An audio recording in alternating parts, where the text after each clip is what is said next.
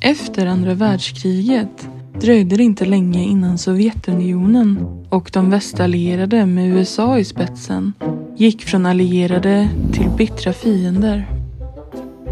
Kalla kriget hade inletts. En arena för denna kyliga konflikt som skulle få en stor betydelse var den som utspelade sig i rymden. I takt med teknikutveckling blev det en tävling om vem som kunde prestera nästa världshistoriska genombrott. Inte minst prestigen stod på spel. Hur har människors föreställning om rymden sett ut genom historien? Vad var upprinnelsen till det som skulle bli rymdkapplöpningen? Och vilka viktiga landvinningar skedde längs vägen? Gästar podden gör Björn Lundberg. Han är filosofie doktor i historia och är verksam som forskare vid Lunds universitet. Bland annat är han författare till boken Kampen om rymden.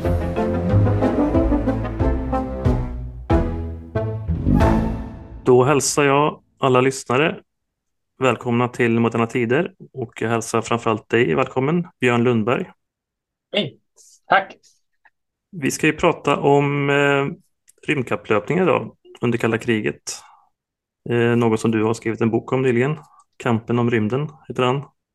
Jag tänkte, det verkar som att människan liksom, sedan urminnes tider haft eh, föreställningar och fantasier om rymden. Hur har det sett ut? Om man ska se det lite överskådligt. Ja, men absolut. Vi får ändå föreställa oss att även långt innan det finns skriftliga belägg så, att säga, så har människor suttit och tittat upp på natthimlen och undrat vad det är som försiggår där uppe. I många kulturer har ju himlakropparna som månen, solen, planeterna, eh, de som är synliga för blotta ögat, förknippats med gudomliga väsen och så vidare.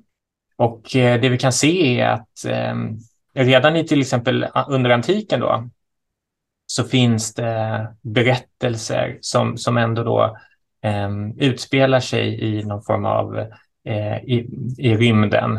Eh, en av de mest eh, berömda är Lykianos berättelse om, om en resa till månen då, där månen fungerar som en slags allegori kan man säga, eller berättelsen är egentligen en allegori över, över livet på jorden. Så det är, inte, det är inte science fiction i modern mening att, i, i, så tillvida att, att, att man har en, liksom en, en slags vetenskaplig idé om hur man skulle färdas dit. Vi får ju komma ihåg att människan kunde inte ens flyga. Nej, precis.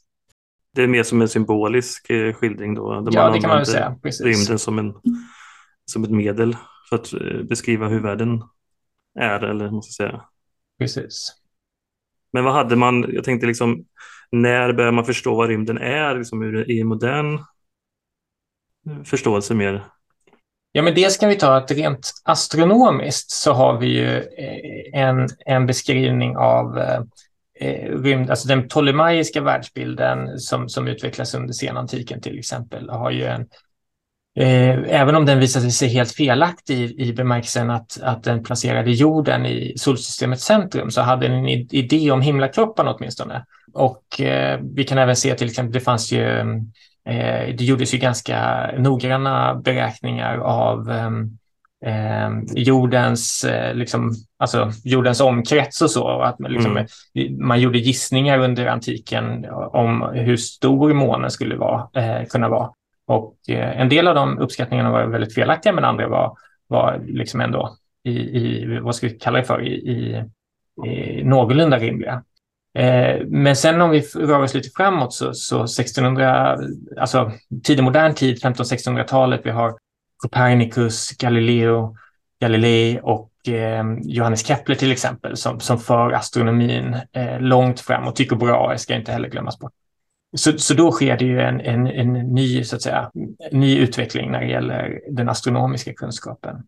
Eh, men även under den här tiden så måste man komma ihåg att, att resor ut i rymden föreföll eh, utomordentligt avlägsna för människor. Men när skulle man kunna säga att det blev en realitet då, liksom rent teoretiskt? Att kunna tänka sig att åka ut i rymden eller något liknande? Ja, men och det man brukar lyfta fram som faktiskt startskottet eh, i någon mening, det är när Jules Verne eh, skriver och publicerar sina två böcker eh, om, om en månresa, alltså från jorden till månen och månen runt. 18, i mitten av 1800-talet Eh, som väcker den, de här drömmarna. För att även om hans liksom, idé om en, en resa till månen med hjälp av en slags gigantisk kanonkula är fullkomligt orealistisk så, så hade han den här science fiction-approachen till det. Att han, han, Jules Verne i sina berättelser utgick ju ändå från eh, någon form av vetenskaplig idé som, som han försökte omsätta i, i, i, i, då, i, i form av eh, romanberättelser. Eh, och det här inspirerade väldigt många. Så tittar man på den första generationen av raketkonstruktörer under tidigt 1900-tal så var i princip alla de gamla fans av Jules Verne, hade läst Jules Verne. Så att den här, de här fantasifulla berättelserna som Jules Verne beskrev, just att de hade den här vetenskapliga ansatsen gjorde att de ändå kunde väcka drömmar då om att lösa de här problemen mer konkret. Då. Problemet var att det inte fanns några pengar Nej i verksamheten, så det, så det var ju mer eller mindre hobbyprojekt då under tidigt 1900-tal. Ja, men det blir rymden intressant ur ett mer politiskt perspektiv. Ja, men en, eh, en, en grundförutsättning här då är att eh, man, behöver, man behöver ju en raketmotor för att kunna färdas ut i rymden. Det är så att säga eh, prio ett. Och eh, under 1900-talet så, så skedde ju utvecklingen av vanliga förbränningsmotorer snabbt och det var ju där man la det största, liksom, vad ska jag säga, de största investeringarna inom militärteknik till exempel var ju på, på förbränningsmotorer och jetmotorer så småningom. Eh, så att raketmotorer var ändå en relativt perifer teknik. Men en, ett, ett område där, där man faktiskt visade intresse för raketmotorer var in, i Tyskland efter första världskriget därför att villkoren i Versaillesfreden begränsade eh, det traditionella artilleriets storlek. Tyskland var helt enkelt förhindrade att rusta upp sitt traditionella artilleri. Mm. Eh, och då såg man möjlighet att kringgå det här beslutet genom att satsa på raketteknik. Så att eh, Tysklands, redan innan nazisterna kommer till makten i Tyskland 1933 så har alltså eh, den tyska militären börjat investera då, eh, pengar i att utveckla raketmotorer och som sen är det som ligger till grund för V2-raketen mm. som, som tas i bruk i slutet av andra världskriget. Och den, dess primära syfte var ju inte att föra människan ut i rymden, men det var den första farkosten som hade en så pass kraftfull raketmotor att den kunde nå den här gränsen som man brukar säga, sätta på 100 km höjd som är gränsen för yttre rymden. Och det fattade tyskarna redan när de uppfann den då? Absolut. Werner von Braun till exempel, som spelade en nyckelroll under rymdkapplöpningen, han var verksam i det här nazityska eller det tyska raketprogrammet då, eh, innan och under andra världskriget. Och han hade redan som tonåring drömt om att eh, liksom föra ut människan i rymden. Så, att, så att för honom var det här också ett sätt att, att arbeta militärt med den här tekniken var ett sätt att också då på något sätt komma närmare drömmen om rymdresor. Så att även om V2-raketen inte byggdes som en, en rymdraket så, så fanns den drömmen i högsta grad inom eh, det här projektet kan man säga. Ja, men det kanske inte var prio ett direkt i det läge som tyskarna var i slutläget av kriget. Definitivt, definitivt. Och när man gör den första upp, provuppskjutningen av en V2-raket som når eh, liksom gränsen för yttre rymden så, så firar de lite grann i smyg de här Eh, de ansvariga för projektet, men det är varken någonting som kan kommuniceras externt eller någonting som man egentligen kan rapportera till Hitler som en bedrift, därför att, för att fokus låg helt och hållet på att ta fram ett ett så kallat vedergällningsvapen då, som skulle kunna slå, slå mot britterna framför allt. Mm. Men eh, tyskarna förlorar kriget och eh, vad är det som händer sen då när det gäller utvecklingen inom rymd, rymdkampen, eller man ska kalla det? Ja, för det är egentligen i krigets, under krigets absoluta slutskede och omedelbara efterföljd, alltså andra världskrigets omedelbara efterföljd, det är egentligen då som man kan väl säga rymdkapplöpningens första steg tas. Eh, därför att då börjar amerikaner och Eh, de sovjetiska försvarsmakterna eh, helt enkelt inse att, att den här typen av vapen kommer att bli viktiga för så att säga, framtida, i framtida krig. Och eh, Tyskland hade ju legat långt fram eh, framför de andra, de allierade i utvecklingen av de här vapnen. Och eh, amerikanerna är de som lyckas bäst. De lyckas rekrytera bland annat Werner von Braun. Han och ett hundratal andra tyska ingenjörer och eh, forskare eh, flyttas över då till USA Eh, men man lyckas också plocka med sig eh, delar för att sätta ihop 100 V2-raketer och provskjuta dem då i USA under åren efter kriget. Medan den sovjetiska försvarsmakten då har inte riktigt samma, samma tur. De kommer inte först till de här eh, nyckelfabrikerna i Tyskland där V2-raketerna har tillverkats. Men de lyckas ändå då eh, komma över ritningar och en del personer som har jobbat med programmet så att de också kan bygga vidare på den här tekniken. Då. Men det är liksom från USA och Sovjets sida från början, är det liksom ett militärt intresse? Ja, det är he helt och hållet, helt och hållet militärt. Det finns ingen som helst liksom, eh, det, finns, det finns ingen som helst idé om att det här ska, den här tekniken ska användas för att resa upp i rymden i, i, i det specifika syftet. Däremot så inser amerikanerna att man kan använda de här V2-raketerna för att göra olika typer av fys, fysiska experiment till exempel, som där, där det är en fördel att befinna sig ovanför jordens atmosfär, så att säga. Eh, så, så, och, och, i den bemärkelsen då vara ute i rymden. Men, eh, men det är som sagt det är ett helt underordnat syfte och varken amerikanerna eller, eller ryssarna förstår heller riktigt propagandavärdet som det skulle komma att innebli, eh, innebära att, eh, att genomföra de här rymdresorna. Det är först egentligen efter att Sputnik, har, Sputnik 1 har skjutits upp som, som det står klart. Så att de underskattar helt enkelt propagandavärdet i, en, i ett rymdprojekt vid den här tiden. Då.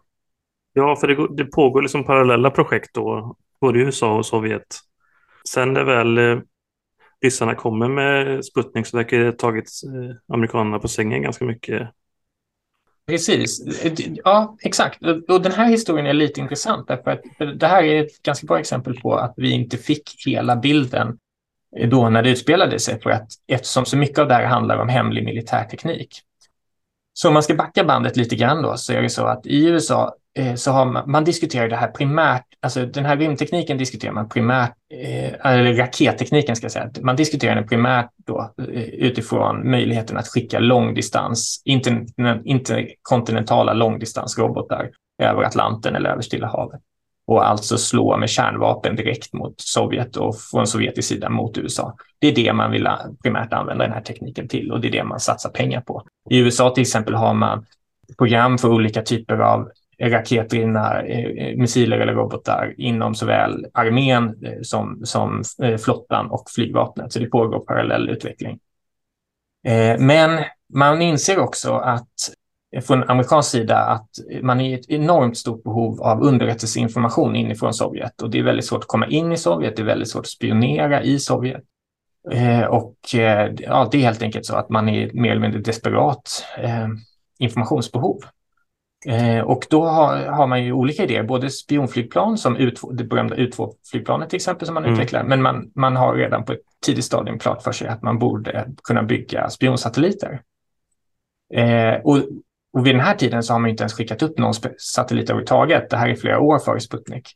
Eh, och det finns ingen egentligen kamerateknik som man har prövat som skulle kunna fungera från rymden. Så, så, att, så att det är ett enormt liksom, projekt eh, att försöka ro det i land. Men det man också inser är att för att överhuvudtaget kunna skicka upp en spionsatellit så behöver man någon form av internationell överenskommelse om att det är okej okay att flyga mm. satelliter över andra eh, länders eh, luftrum, så att säga. För vid den här tiden finns ingen sån gräns som reglerar höjden på internationellt luftrum. Och därför så fattar man beslut om att man ska skicka upp en vetenskaplig satellit som en slags, eh, vad ska vi kalla det för, försöks eh, eh, vad heter det, försöksballong mm. eh, ungefär. Den ska alltså ha ett vetenskapligt syfte för att verka leg legitim och den ska vara liksom offentlig. Men i, i, i bakgrunden då finns det det här hemliga militära syftet att den ska klargöra att det är okej okay att flyga satelliter över till exempel sovjetiskt territorium. När ryssarna får höra det här så bestämmer de sig för att också skicka upp en vetenskaplig satellit Eh, och det, det, blir en slags eh, mindre konkurrens eh, om det här och ryssarna kommer först med Sputnik 1 då i oktober 1957. Men har Sovjet samma liksom, motiv till att bygga en satellit? Nej, inte riktigt.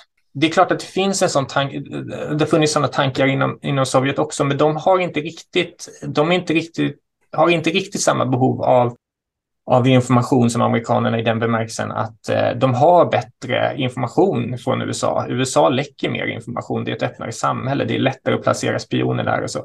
Så det är klart att absolut har de ett sådant intresse, men, men det, det står inte riktigt lika, det är inte riktigt lika eh, högt prioriterat i Ryssland-Sovjet då.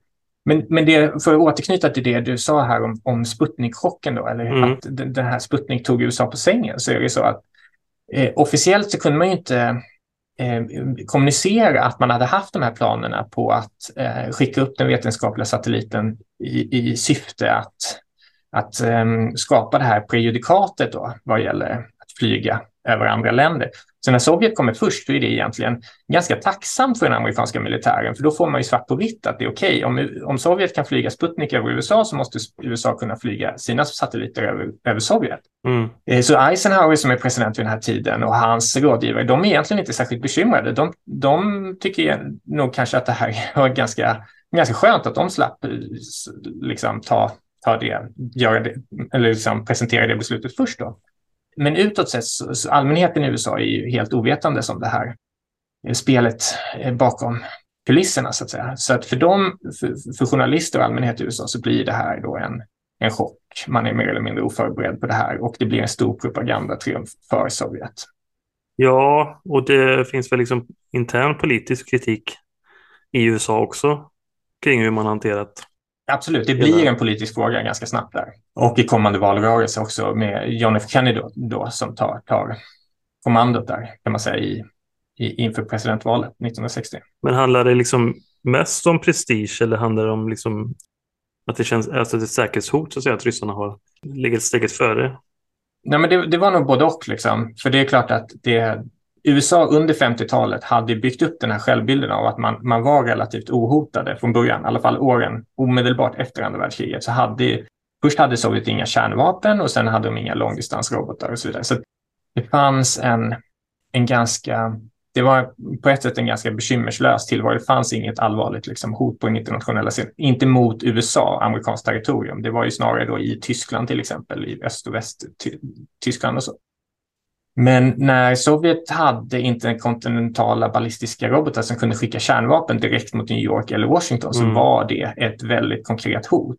Och det var ju det Sputnik visade. För kan man skicka upp en satellit i rymden kan man skicka upp en, eh, liksom en kärnvapenbestyckad raket vart som helst på jorden. Det är liksom samma, i grund och botten samma teknik. Så det skapade definitivt ett existentiellt hot.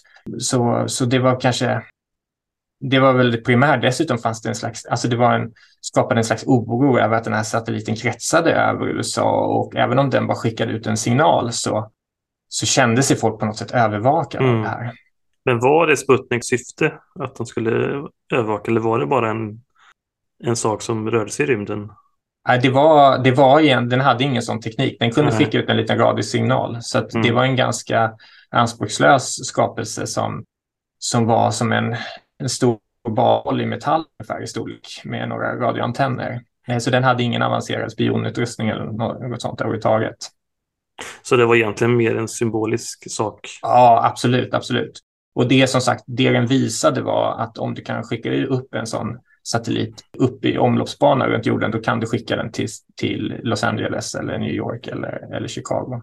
Ja. Så det var, det, det var så amerikanerna upplevde det här också.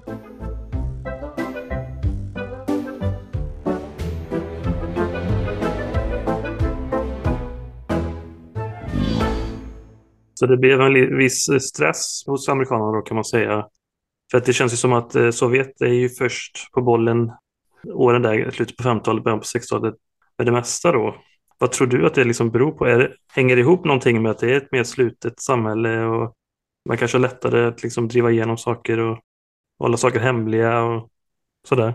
Ja, men kanske. Alltså det, det, finns, det finns lite olika, lite olika förklaringar till varför det blev som det blev då. De hade ju i Sovjet eh, eh, några skickliga raketkonstruktörer, bland annat då Sergej Korolev som, som, som jag skriver en del om i boken, eller Korolev som han brukar benämnas i amerikansk eh, transkribering. Och som fick eh, så att säga, direktkontakt med Nikita Khrushchev i, i det sovjetiska ledargarnityret. Så det, han, han, fick ett stort inflytande, en stor möjlighet att utforma det här raketprogrammet, eh, rymdprogrammet helt enkelt i Sovjet och blev en nyckelfigur. Så på det sättet så var det kanske lite mer, lite enklare för, för honom. Medan Werner von Braun till exempel i USA hade till en början liksom problem att eh, få gehör för sina idéer som man trots allt var, liksom, kom från Tyskland och i, inom den amerikanska militären var det många som, som gärna ville att det här rymd och raketforskningsprogrammet eh, skulle vara, framstå som amerikanskt och inte bygga på, på liksom, beslagtagen tysk teknik och så vidare. Nej, och han hade ju också varit verksam i Nazityskland va? Jag vet inte om det var känsligt också då det var definitivt känsligt och man försökte ju tvätta bort den stämpeln, liksom, både från Brown själv och amerikanerna. Men, men det var en anledning till att han hölls tillbaka till en början. Så att säga då. Eh, men sen var det också att man underskattade den här teknikens propagandaeffekt helt enkelt. Så, så när, eh, när Sovjet skickade ut uppsputnik så var ju USA nära, men inte riktigt liksom där. Och sen hade de liksom ja, de hade lite svårare att samordna sitt, eh, sitt raketprogram. Man bygg, bildade ju det, alltså NASA då, eh, efter, så att säga, som, en, som en följd av, av Sputnik för att samordna insatserna på det civila området. Innan dess hade man inte haft någon, någon enskild myndighet, utan man hade haft de här programmen som var som inom flottan, flygvapnet respektive armén då, som, mm. som, som hade jobbat åt delvis olika, med, eller med delvis olika mål. Eh, så det var en förklaring. Men, men eh, sen fanns det väl också lite grann en tendens inom, i Sovjet att man var beredd att spela ett lite högre spel så att amerikanerna var lite försiktigare. Deras uppskjutningar skedde inför tv-kameror eller publik ofta. Det var fler, liksom, ja, man hemlighöll dem inte på samma sätt, vilket gjorde att eh, man också var mer känslig för motgångar, vilket gjorde att de sovjetiska raketkonstruktörerna kunde chansa lite mer. Så att säga. Mm. Men fick man en bättre insyn i Sovjets arbete efter första Sputnik? Eller var det så att de framsteg som kom var lika stora överraskningar när de dök upp för amerikanerna senare också?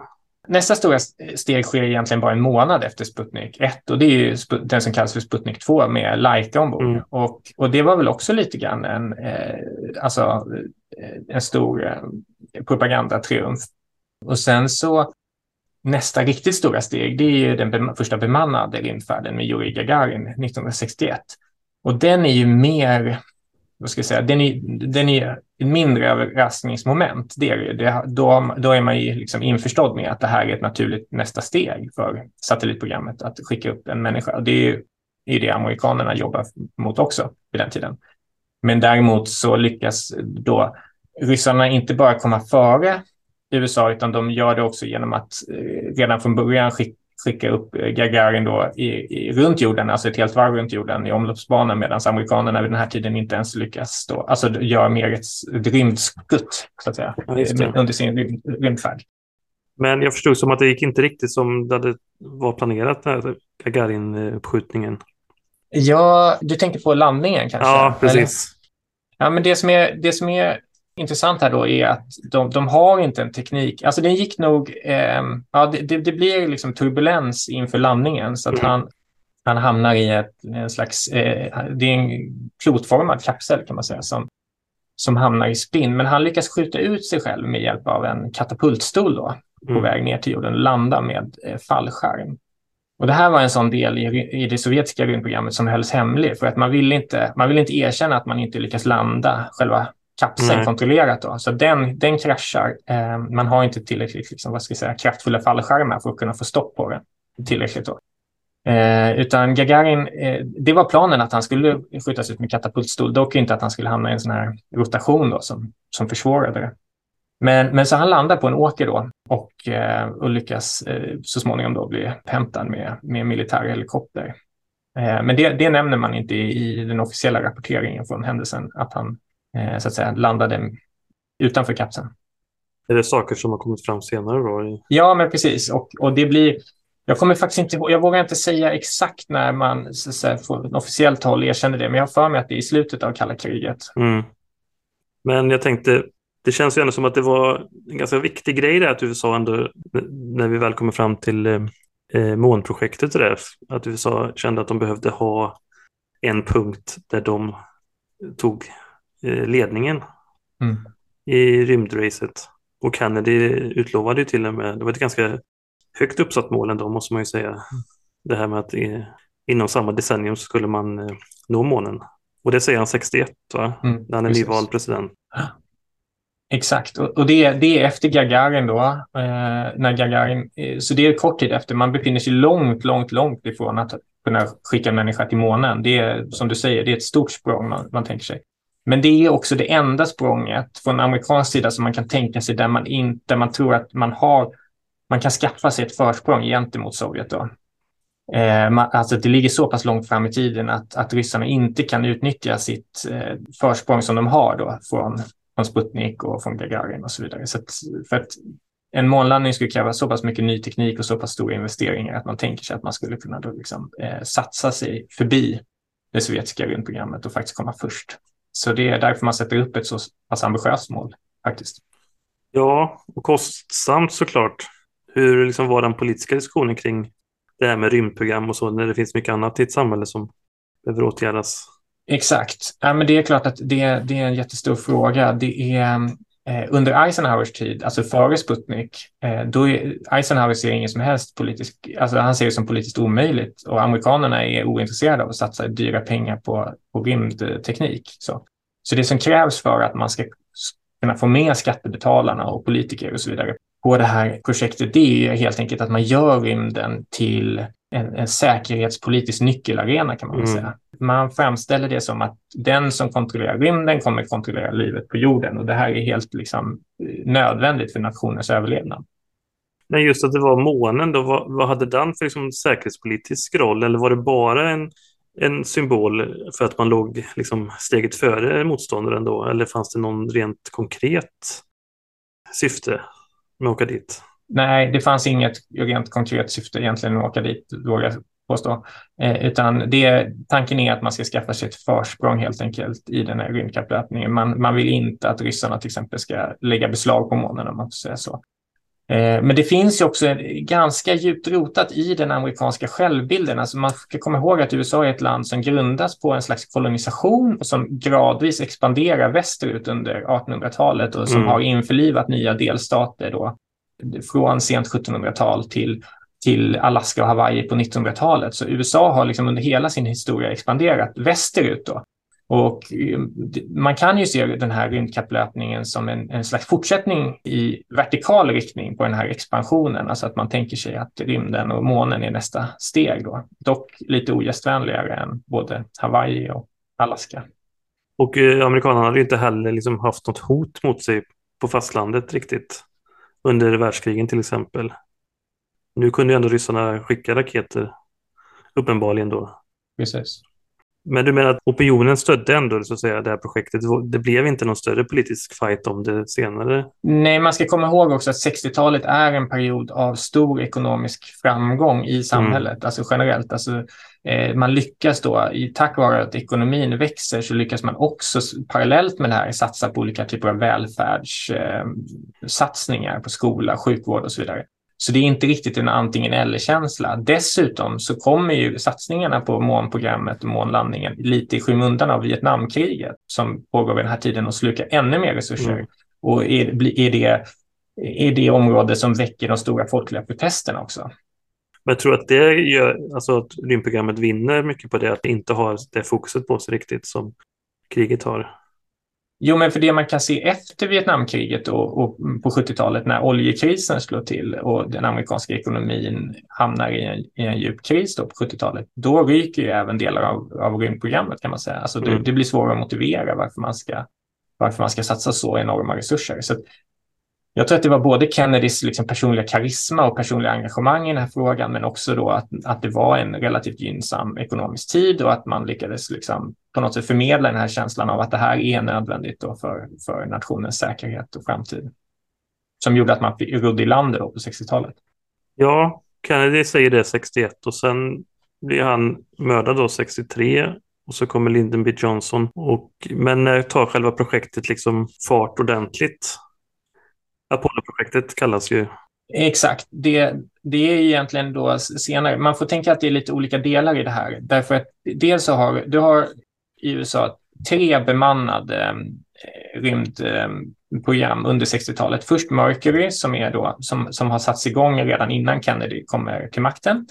Och sen har man Gemini och eh, Apollo. Och Gemini-programmet är, det, är liksom Apollo-programmets föregångare och det kan man se som en, en delvis en övning inför månlandningen. Alltså då, då har man eh, flera astronauter uppe i rymden samtidigt, man har en mer kraftfull raket, man övar på en del sådana här, det som kallas för rendezvous, alltså kunna docka och vända eh, farkoster i rymden och så vidare. Så man, man genomför en massa moment som man inser att astronauterna behöver kunna eh, helt enkelt. Och det gäller ju förstås även markkontrollen och allting.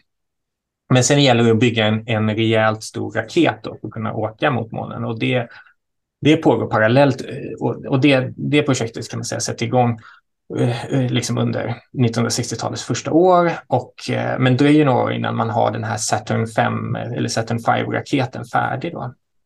Eh, sen har vi då eh, liksom det som brukar kallas för Apollo 1 som är egentligen inte hade den beteckningen eh, från början, men som, som får den i efterhand. Det är då eh, den här dödsolyckan när tre mm. amerikanska astronauter omkommer då, tidigt 1967 under en övning på startplattan kan man säga.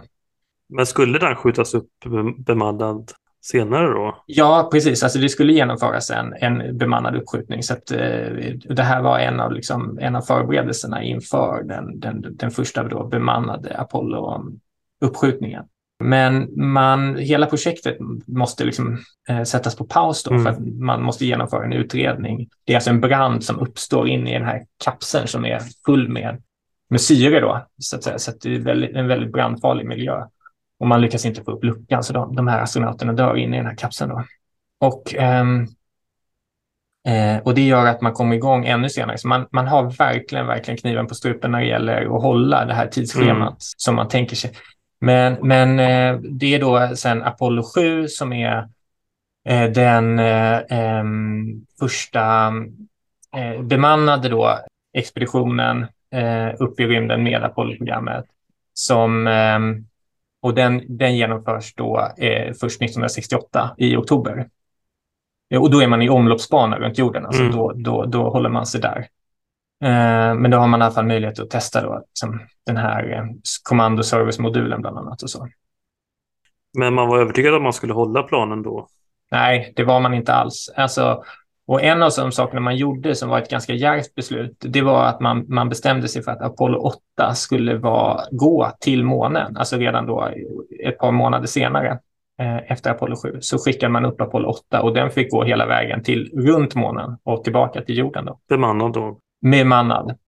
Eh, och det var ett jättesprång och det var ett ganska djärvt språng man tog, men man gjorde lite grann en, en chansning får man väl säga, eller i alla fall man, man, man tog ett djärvt beslut där. Eh, därför att det var ett stort kliv Eh, och när man hade gått i land det, då, då började man eh, kunna hoppas på att kunna genomföra då en månlandning inom då ett år hade man på sig efter det. Jo, för då får man ju ändå en bekräftelse på att saker och ting funkar, så då blir det ju ändå en push framåt tänker jag. Absolut, och en propagandatriumf, för det var ju, det har ju helt och hållet hamnat i skymundan av av månlandningen som var ett halvår senare. Men, mm. men vid den här tiden, i december 68, var det en jättegrej att man hade flugit till månen eller liksom runt månen och tillbaka. Det var ju liksom enormt. Och hur lång tid tog det ungefär? Då? Ja, det tog väl en, en vecka ungefär, va? Sex, sex, sju dagar eh, själva Apollo 8-expeditionen. Så det är en väldigt stor eh, skillnad på de här första, första gångerna människor var uppe i rymden så var de ju uppe några timmar och sådär. Så att, eh... Exakt, så, och det har man då tränat på redan under Gemini-projektet och var uppe under längre tid och gradvis. Och även ryssarna gör ju det att de är uppe längre och längre tid för, i, i stort sett för varje uppskjutning. Eh, så att man jobbar då liksom på att förlänga tiden man kan vara uppe mm. i rymden för att kunna Eh, då. Eh, sen behövs det ytterligare lite tid eh, för att kunna klara av en månlandning så att säga. Men Sovjet hade också planer på månen? Ja, alltså man erkänner inte det officiellt. Man, eh, som mycket annat i deras rymdprogram så, så, så, så talar Khrushchev till exempel talar eh, inte alls om några planer på någon bemannad rymdfärd. Eh, men, men bakom kulisserna så, så gör man ju upp ritningar både på en månlandarfarkost Eh, men också en raket som ska vara kraftfull nog då att kunna färdas till månen med en bemannad expedition. Så att man har sådana planer och förhoppningar. Men det blir faktiskt som amerikanerna hade hoppats på kan man säga. Att det här, den här satsningen är så pass stor att Sovjet har inte riktigt de ekonomiska musklerna kan man säga och eh, för att kunna, för att kunna liksom ro i land det projektet i konkurrens med amerikanerna. Så att man, man gör ett par uppskjutningar som, är, som, som misslyckas helt enkelt. Varav den ena skapar en enorm explosion som, som förstör stora delar av den här uppskjutningsplatsen i Baikonur. Så att man, man tvingas helt enkelt eh, ge upp de planerna då. Och sen när amerikanerna väl har landat på månen så ser man inte riktigt någon, någon motivering till att komma tvåa så att säga. Men det är fortfarande inget officiellt projekt då heller så att säga? Nej, när man lägger ner det. Så det ingen... Man lägger ner det i det tysta och den här raketen används aldrig. Den, den, för den hade inget annat syfte. Många av de andra raketerna var ju ändå delade ju teknik med olika typer av kärnvapenrobotar. Men det gjorde ju inte varken Saturn V i, i USA då eller, eller den här um, sovjetiska raketen. Och inte heller för, för typ uppskjutning av spionsatelliter eller liknande i omloppsbana då, utan eh, så att eh, man lägger ner det, planerna på den raketen helt enkelt i början på 70-talet. Mm. Men det känns ju som att amerikanerna har, det är väldigt kort mellan alla de här uppskjutningarna, så det går ju väldigt fort ändå, utvecklingen. För det är väl sen på sommaren där 69 då som Apollo 11 som är väl den mest kända raketen kanske i historien. Den första bemannade rymdraketen då som ska landa på månen med människor. Exakt. Den kommer ju då, som sagt, som du säger då, i juli 1969, så det är ett halvår efter Apollo 8. Och då har man dessutom hunnit genomföra två, ytterligare två eh, testexpeditioner, då, Apollo 9 och Apollo 10, under månaden. Så man, man skickar upp dem i ganska stridström här, får man säga. Och, eh, men Apollo 11 blir givetvis den stora, stora höjdpunkten i och med att det är den första månlandningen. Mm. Och det är tre astronauter på den också då? Precis, det är de här berömda eh, namnen Neil Armstrong, Buzz Aldrin, Edwin Buzz Aldrin och Michael Collins som, som åker upp och bara då eh, Neil Armstrong och Buzz Aldrin är de som landar på själva månen. Mm. Fast någon tanke i det eller var det bara att resurserna inte räckte längre än att ta ner två personer Ja, men det är så här att man, man redan då i början på 60-talet när man har bestämt sig för att man ska försöka åka till månen, då, då, då börjar man ju förstås skissa på hur det här ska gå till. Och då finns mm. det olika planer. Och det, man kan tänka det mest intuitiva det är att bygga en jättestor raket som åker och som, som sen släpper av olika raketsteg på vägen och så blir det en liten del kvar som landar på månen och sen åker, får den delen på något sätt åka tillbaka till jorden. Problemet med den, den, den lösningen är bara att det krävs en, en enormt stor raket mm. eh, för att lyckas med det. Och då har man lite andra idéer. En annan idé är att man skickar upp lite som ungefär som legobitar, att man skickar upp delar, moduler upp i omloppsbana och så bygger man ihop raketen i omloppsbana och sen skickar den till, till månen.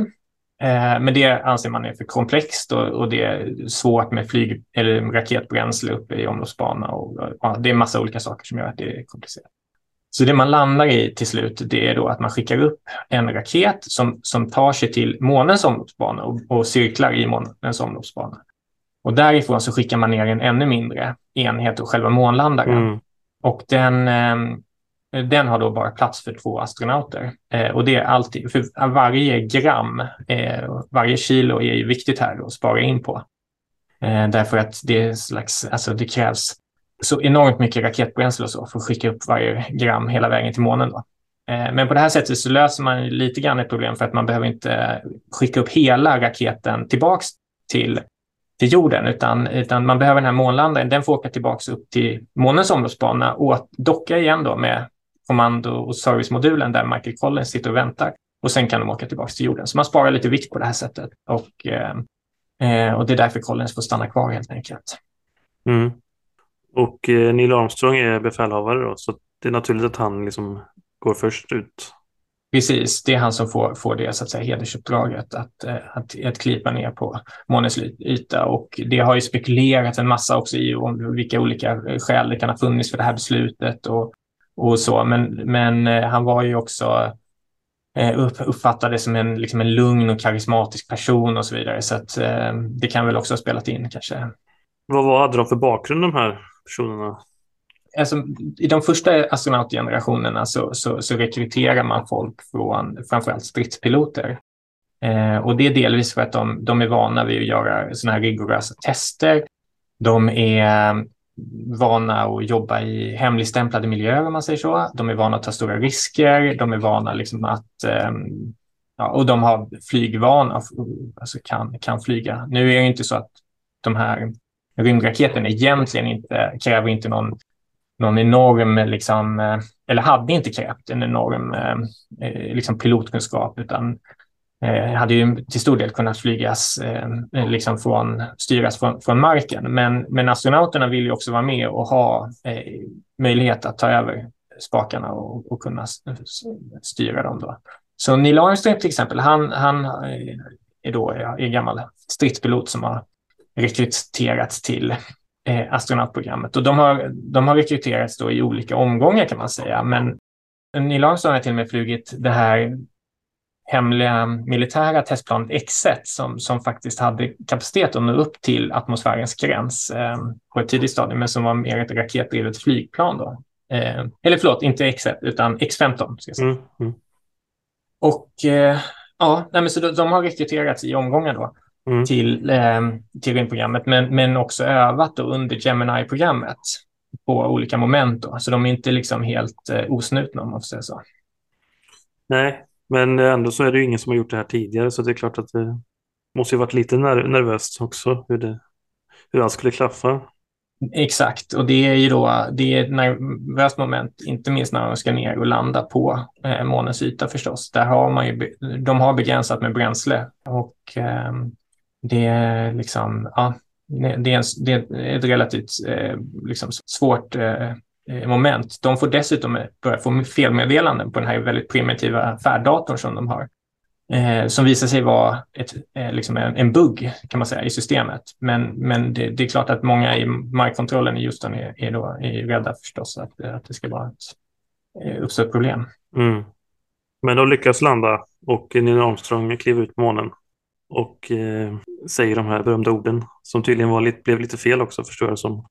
Ja, precis. Det, det låter åtminstone väldigt mycket på ljudupptagningen som att han säger It's a small step for man, it's a giant leap for mankind. Han skulle alltså säga att det är ett litet steg för en, en människa och ett jättekliv för mänskligheten. Men, men han råkar då antagligen av nervositet kan man tänka sig säga att det är ett litet steg för människan men ett jättekliv för mänskligheten. Innebörden var i alla fall att eh, den tänkta innebörden var ju att det är ett litet steg för en människa och ett stort kliv för mm. människan. Och det här sänds ju, det är ju ett av de största eh, tv-projekten förstår jag också någonsin hittills.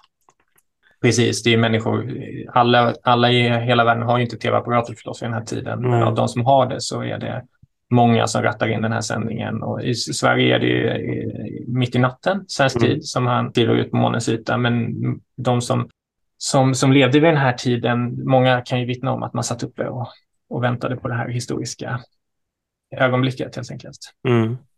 Och sen återvänder de då efter några dagar tillbaka till jorden. Eh, ja, de, så, så, så förfärligt länge var de här, den här första eh, månlandningen, den var ju inte eh, så förfärligt lång. De landade först och sen så dröjde det några timmar innan de klev ut på månens yta och sen så var de ute på månens yta ett par timmar. Och, eh, och sen så åkte de tillbaka då efter ytterligare lite vila. Ja, och då har USA en ytterligare ny president vid den här tiden, Richard Nixon. Eh, precis, Nixon har ju tagit över då eh, 60, ja, efter presidentvalet 68. Och de får sitta i någon slags eh, karantän eller något ett tag? Va? ja, men tillbaka. det stämmer. Det finns en oro för att de skulle kunna få med sig någon form av mikrober eller virus eller andra smittsamma ämnen eh, då från månen. Så att eh, man, man, man tar det säkra för det osäkra och placerar dem i karantän då för att eh, invänta. De blir upplockade i Stilla havet av ett eh, krigsfartyg. Då. Mm när de har landat. Så får de sitta i karantän innan de kommer ut. Och sen kan de åka segerparad i USA. Ja, och sen kommer de nästa uppskjutningar kommer ändå ganska tätt sen. Visst, så är det. Det är Apollo 12 då som är, som är näst på tur. Och den är redan samma år, eh, 69.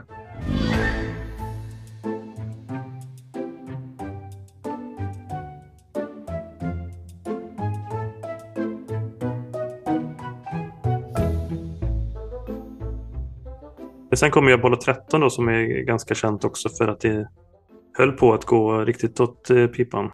Precis, precis. Det är ju den stora, på väg att bli den stora tragedin i, i, i programmets historia. Men man lyckas ju då mirakulöst. Det är ju på väg till månen som, som det sker en, en explosion ombord i den här eh, servicemodulen som gör att de astronauterna då eh, måste eh, sätta sig i månlandaren, även, använda den som en slags livflotte för att Mm. ta sig runt månen och tillbaka till jorden. Så de, de får aldrig kliva ner på månens yta, men de får lyckas faktiskt med, överleva med livet i behåll. Eh, mer eller mindre mirakulöst får man säga, lyckas de ta sig tillbaka. Ja, för det är oklart om syra och sånt räcker hela vägen då.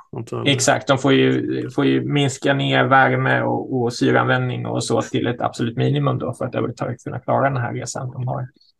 I och med att de då har eh, eh, förlorar eh, det i den här explosionen. Mm. Sen är det några eh, uppskjutningar till då. Det känns som att det, det är någonting nytt varje gång eller som är liksom vid varje uppskjutning. Eh, precis, de, de, de jag har ju introducerat bland annat det här med då månbilen på Apollo 15 och eh, som, som då, så att de kan färdigköra med en slags primitiv golfbil ungefär på, på månen och de har även då eh, stanna längre och längre på månens yta fram till eh, Apollo 17 då, som är sista färden som genomförs i, jag sa Apollo 17 va? Ja, Mm. i, som genomförs i Apollo-projektet. Och det är 1972. Precis, det är i december 72 eh, som, som man lämnar, så det är då drygt 50 år sedan. Just det.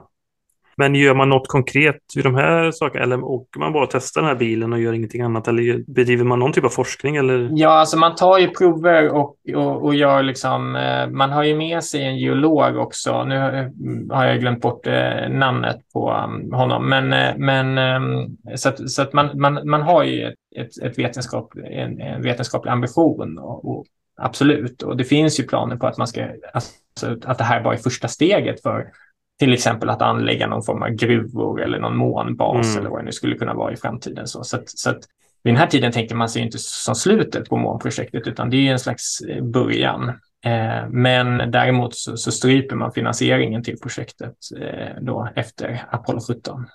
Ja, för jag tänkte också det känns som att luften gick ur lite som den här framåtrörelsen lite grann. För det känns som att det gick så fort ändå utvecklingen att man borde ha tänkt liksom nästa steg. Mars eller liksom att det Mm. liksom begräns, det fanns inga begränsningar riktigt vad man kunde göra kanske. Men är det tidsandan lite där med kriget och oljekris och svåra ekonomiska tider som påverkar också inställningen till hela Ja, absolut. Absolut. Alltså det är en allmän kris för framtidstron under tidigt 70-tal skulle jag vilja påstå. Och eh, det har, mm, den, märks även i den framväxande miljörörelsen till Mm. exempel och en allmän tilltagande skepsis mot vad tekniken ska kunna åstadkomma till exempel. Och så. Så att, eh, eh, det är definitivt, definitivt en, en faktor. Att man inte fortsätter till exempel till, till Mars vid den här tiden. Det är då kombinationen av dålig ekonomi och eh, ska säga, eh, man börjar ifrågasätta kanske den här rymdkonkurrensens egentliga syfte och nytta då. Ja, jag tänker att det är svårare politiskt också att, att motivera varför man ska lägga stora resurser på, Exakt. på det här. Absolut. Och det gäller ju egentligen både Sovjet och USA. Men man, det märks ju tydligast i, Sovjet, i USA. Kanske. För vad är nästa steg egentligen? Är det de här, liksom, att man mer börjar fundera på rymdstationer och liknande saker? Precis. I Sovjet så är det helt klart eh, det. Man, man erkänner ju inte att man har haft den här idén om, eh, om att försöka landa på månen, men, utan man, man kommunicerar officiellt att det man kommer satsa på är bemannade rymdstationer. Eh, och, eh, och det, är då, det har ju också funnits som en slags dröm under hela 1900-talet eh, som en idé inom, inom liksom, eh, att, man, att det skulle vara ett, ett naturligt steg att bygga rymdstationer. Och även USA då börjar skicka upp det som heter Skylab som är ett slags första steg i den riktningen då, att man ska kunna ha bemannad närvaro under längre tid i rymden. Mm. Sen ska man ju komma ihåg att, så, alltså att bara för att man ger upp liksom idén om att fortsätta resa till månen vid den här tiden eller idén om att resa till Mars så betyder det inte att man ger upp rymden som sådan. Därför att eh, när det gäller kommunikationssatelliter till exempel, vi har GPS-systemet som kommer. Så, att, så man gör ju stora satsningar, men då på trafik som rör om jordens omloppsbana. Ja, det känns som att det kanske är mer, det är mer liksom en nyttoaspekt i den tekniska utvecklingen än att bara man ska åka upp för att visa att man kan Mm. någonting. Ja, men, så är det. För idag, jag menar, jag vet inte hur många satelliter det finns idag liksom runt, runt jorden. Många är det. Jag kan inte det exakta antalet, men det är många och det är många länder som skickar upp satelliter. Alltså det är inte bara USA och Sovjet, eller Ryssland. Då. Nej, precis. Men eh, sen har man USA på 80-talet sen så bygger man de här rymdfärgerna också då. Eller gör man det redan på 70-talet? Ja, eh, alltså precis. Projektet utvecklas under 70-talet. Det blir också försenat. Det, det skulle egentligen vara tanken att det skulle kunna kicka igång ganska snabbt efter att man har lagt ner Apollo-projektet. Men det blir försenat och kostar mer än vad man hade tänkt sig från början. Men syftet där är ju delvis att spara pengar. Att man ska kunna ha en återanvändningsbar rymdraket då. Där, där bara själva bränsletanken och, och hjälpraketen är det som är så att säga, mm. eh, som förverkas medan man då ska kunna, eller eh, de här sidoraketerna kan faktiskt landa också med någon form av eh, fallskärm då, men, men eh, att eh, man, man, helt enkelt kan återanvända själva rymdfärjan. Men det är mycket, ja förlåt. Nej, så fortsätt. Nej, men eh, så, så, så, det är tidigt, tidigt 80-tal som man kommer igång med de, de liksom första eh, riktiga expeditionerna då, med, med, eh, med rymdfärjorna. Ja, för jag tänkte just det, hur mycket liksom, är det fortfarande en del av kalla kriget där efter, under 70-talet? För lite är väl så att kalla kriget svalnar lite under 70-talet och blossar ju upp mer med Reagan och så på 80-talet. Och det blir väl, rymden blir väl en del av det också med hans idéer om det här med stjärnornas krig. Precis. Då är det ju bland annat finns det ju på att man ska kunna placera olika typer av, av, av avancerade vapen uppe i till exempel atomdrivna laserkanoner och liknande som ska kunna kretsa runt jorden och, och skjuta då, precisionsskjuta på mål nere på, på jorden. Eh, det är ganska långt ifrån att bli verklighet, men det, diskussionerna förs ju helt klart under Reagans tid, då, under 80-talet, eh, som en del av det som, som då i folkmun, folkmun blir känt som eh, Star Wars. Precis. Ja, och det var väl även någonting som eh, George W. Bush eh, även tog upp lite idéer om senare.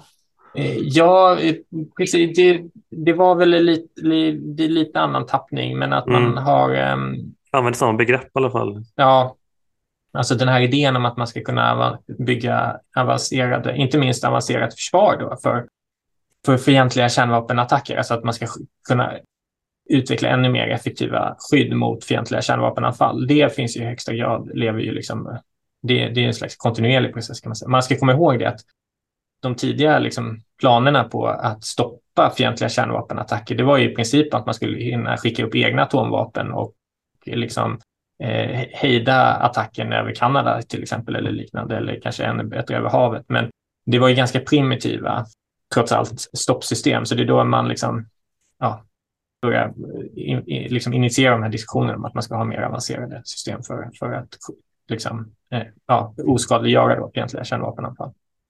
Men hur mycket var det på riktigt från Reagan då? Eller var det bara en retorisk grej för att få Sovjet liksom att börja rusta upp?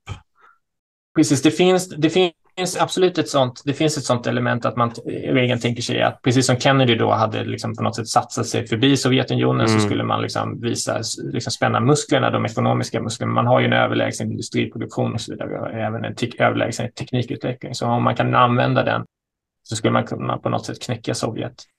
Är ju då en, en tanke i det här projektet, men man satsar ju också enorma summor på det här Star Wars-projektet. Så det är inte bara spel för galleriet, utan det är också eh, liksom det är ett stort, stort projekt, så att säga. men det är klart att en del av det liksom, mm, är säkert att man vill, man vill frammana en slags science fiction-bild för, för att eh, visa.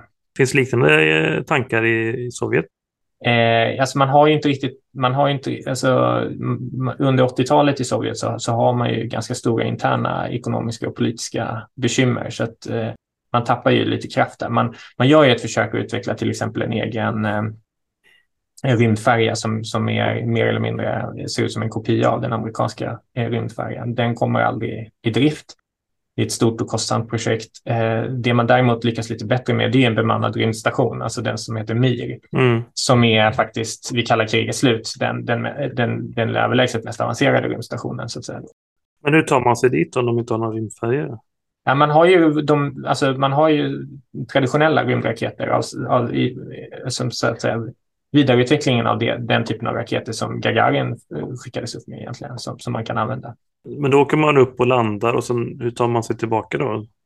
Ja, men tillbaka är relativt lätt eftersom du kan använda jordens eh, dragningskraft så att säga. Mm. Så det behöver egentligen mest bromsa. Så du, du, du, skickar upp en raket och sen så dockar den med en, alltså kapseln då, eh, dockar med rymdstationen. Och, eh, och sen så kan den här kapseln då återvända liksom med, eh, genom att mer eller mindre falla tillbaka till, mm. till jorden. Eh, så, så svårigheten var väl kanske egentligen att få upp de här alltså delarna till rymdstationen och, och sätta ihop dem uppe i, i omloppsbana kring jorden. Då. Jag tänkte på, det var en ganska allvarlig olycka som skedde, skedde också på 80-talet i USA med en uppskjutning. Precis, och det är den, den berömda eh, Challenger-katastrofen då, eh, när eh, en hel besättning på en, en rymdfärja omkommer i samband med uppskjutningen. Mm. 86 va? Precis. Och eh, den, den var också spektakulär eh, därför att det var den första liksom, lärarinnan som skulle resa upp i rymden. Så det var många skolelever, skolbarn i USA som följde den här eh, uppskjutningen. Och det var tanken då att hon skulle eh, liksom hålla videofilmade lektioner från uppifrån. Hon hade blivit ganska känd förstår jag som redan. Precis, precis. Det, det var en del av ett slags PR PR-maskineri för att visa att, att rymden var mer eller mindre vardag med, i och med rymdfärgerna och så. Att vanliga människor då så att säga skulle kunna färdas. Jag tänker så sent i kalla kriget betydde en sån grej någonting för USA rent liksom, propagandamässigt? Eftersom Sovjet var väl ändå så pass på dekis tänker jag då. Ja, nej, det har, det har, inte, någon, det har inte en jättestor propagandaeffekt så. Däremot så är det ett hårt slag liksom mot själva rymdprogrammet och mm. rymdfärgerna. Därför att de, de har ju då kantats med problem. De har visat sig dyrare än vad man från början hade tänkt sig och så vidare. Så när den här olyckan sker så är det också ett, ett hårt slag mot NASA då inte minst och ehm, eh, det leder till, till stor intern kritik och så vidare. Men, men rymdfärgerna klarar sig, alltså programmet klarar sig och man, man fortsätter flyga med rymdfärgerna efter den här utredningen då, så, så haveriutredningen. Ja, för sen är det väl en olycka senare på 2000-talet också på, på vägen tillbaka istället.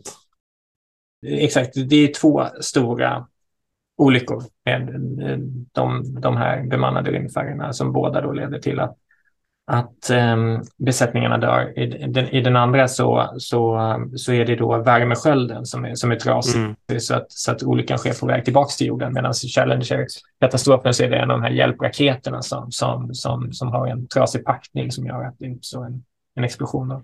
Colombia heter den andra. Va? Eh, precis, precis. Men sen så, kalla kriget får ju sitt slut ändå när Sovjetunionen rasar samman kan man säga. Och eh, sen känns det som att det blir mer liksom, ett samarbete kring rymdutveckling och mellan eh, USA, för Ryssland har ändå kvar sitt rymdprogram. Ja, de, de lyckas på något sätt liksom hålla liv i det då, eh, men under stora ekonomiska svårigheter i och med att den ryska ekonomin kollapsar ju då eh, till stor del under, inte minst eh, efter 97 då. Så, så, men man har jättestora omställningar. Man, man, landet befinner sig liksom i ett eländigt skick när Sovjetunionen alltså faller sönder. Då. Mm. Men även i USA så har man ju, drar man ju ner på satsningarna på, på, på den här typen av liksom, kalla krigsprojekt när, efter kalla kriget. Man ser inte riktigt liksom, heller, längre eh, nyttan i, i det. Så att, eh, den, den, det som kallas för Freedom, då, som är projektet för en amerikansk rymdstation, skrotar man bland annat då, eh, efter kalla krigets slut. Eh, så, så, att NASA dras också med bekymmer att försöka motivera sin, sin existens eller åtminstone de storskaliga satsningar. Då. Och då, det, tvingar, eller tvingar fram, men det, det leder till ett ökat samarbete mellan USA och Ryssland. Då. Man bygger en internationell rymdstation Exakt, så det blir det stora, det stora konkreta resultatet av det, att man bygger internationella rymdstationen ISS då, som kommer igång eh, vid 2000 och som, är, som fortfarande flyger och som nu i dagens konfliktsituation mellan, eh, med Rysslands invasion av Ukraina och så, mm. eh, verkligen eh, visar på att den här, det här tövädret som var på 90-talet och ökat samarbete och så har det skapar en del bekymmer idag därför att eh, man har ju under stor del av internationella rymdstationens existens eh, använt sig av ryska uppskjutningar för att ta sig till stationen och tillbaka. Till ja, för i slutet på boken så spår du lite kring en ny rymdkapplöpning då. Precis. Vi ser ju redan tecken på det nu. Eh, USA har lanserat Artemis och Kina har, har planer på att skicka upp bemannade expeditioner till månen och så vidare. Ryssland kanske inte är så vad ska jag säga, framkant i, i nuläget. Vi får se vad som, som, som händer, så att säga. men det är kanske framför allt en, en kamp mellan USA och Kina då på, mm. på ländig nivå. Så det är den ena delen. Den andra delen är den kommersiella rymdindustrin då, och huruvida man kan tala om en rymdkapplöpning mellan olika företag som Virgin Galactic och, och, och, och så vidare. Ja, jag tänkte just på det också det här med, för nu känns det som Kina då kanske är en viktigare spelare. Även Indien har mm. vissa rymdprojekt och sådär. Men under kalla kriget, fanns det någon annan spelare som var relevant än USA och Sovjet? Inte av den digniteten. Kina till exempel har, gör, liksom inleder ju sitt rymdprogram på 60-talet, men, men det är egentligen inte... Alltså, Sverige skickar ju upp den som kallas Plutnik, en liten, en liten rymdraket, eller man ska säga. jag kommer faktiskt inte ihåg vilket år det är nu, det, men det är också det är tidigt 60-tal. Va? Och Sverige får ju den här, eh, bygger den här Esrange-raketbasen eh, eh, då, utanför Kiruna. Så, att det finns ju, men det är inte alls liksom, man har varken den, den militära kapaciteten eller den liksom den tekniska satsningen som, som USA och Sovjet. Så, så att eh, alla andra länder befinner sig relativt långt bakom där, måste man ju säga, under den tiden. Alltså definitivt. Och eh, förlitar sig mycket på eh, liksom, amerikansk respektive sovjetisk eh, uppskjutning för att kunna till exempel föra upp sina första astronauter ut i rymden från olika länder. Så, så. Ja, men jag tänkte vi skulle avrunda lite grann. Eh, hur tycker du man kan sammanfatta rymdkapplöpningen? Ja, oh, det är en jättesvår fråga. Ja, det var en svår, dum fråga kanske. Eh, nej, men det, det, är klart att det... Jag, jag, jag har fängslats liksom av mm. den här... Eh, eh, det här att det både handlar om teknisk utveckling och storpolitik. Att det både finns en symbolisk dimension, en vetenskaplig mm. dimension och en, en säkerhetspolitisk dimension till exempel, som gör att det här involverar så enormt många människor, det engagerar så många människor, men vi, vi ser också då att till exempel efter månlandningen så, så går luften ur till exempel lite grann, eh, i rymdkapplöpningen. Då. Så, så det vittnar också om att historien inte har en bestämd riktning, utan i grund och botten handlar om mänskliga beslut och det som kan tyckas vara en historisk nödvändighet kan visa sig vara liksom ett, ett sidospår till exempel och så, eller så tas det upp efter 50 år och, och, och liksom blir en ny, inled, inleder en ny era då. Så att det vittnar väl om att historien kan ta många märkliga vändningar faktiskt. Ja, men det är en intressant sammanfattning. Men med de orden så tackar jag dig, Björn Lundberg, mm. för eh, medverkan i podden. Tack så mycket. Du har hört ett avsnitt av Moderna Tider. Gäst var Björn Lundberg. Programledare och klippning Stefan Hjalmarsson. Speaker Matilda Säv.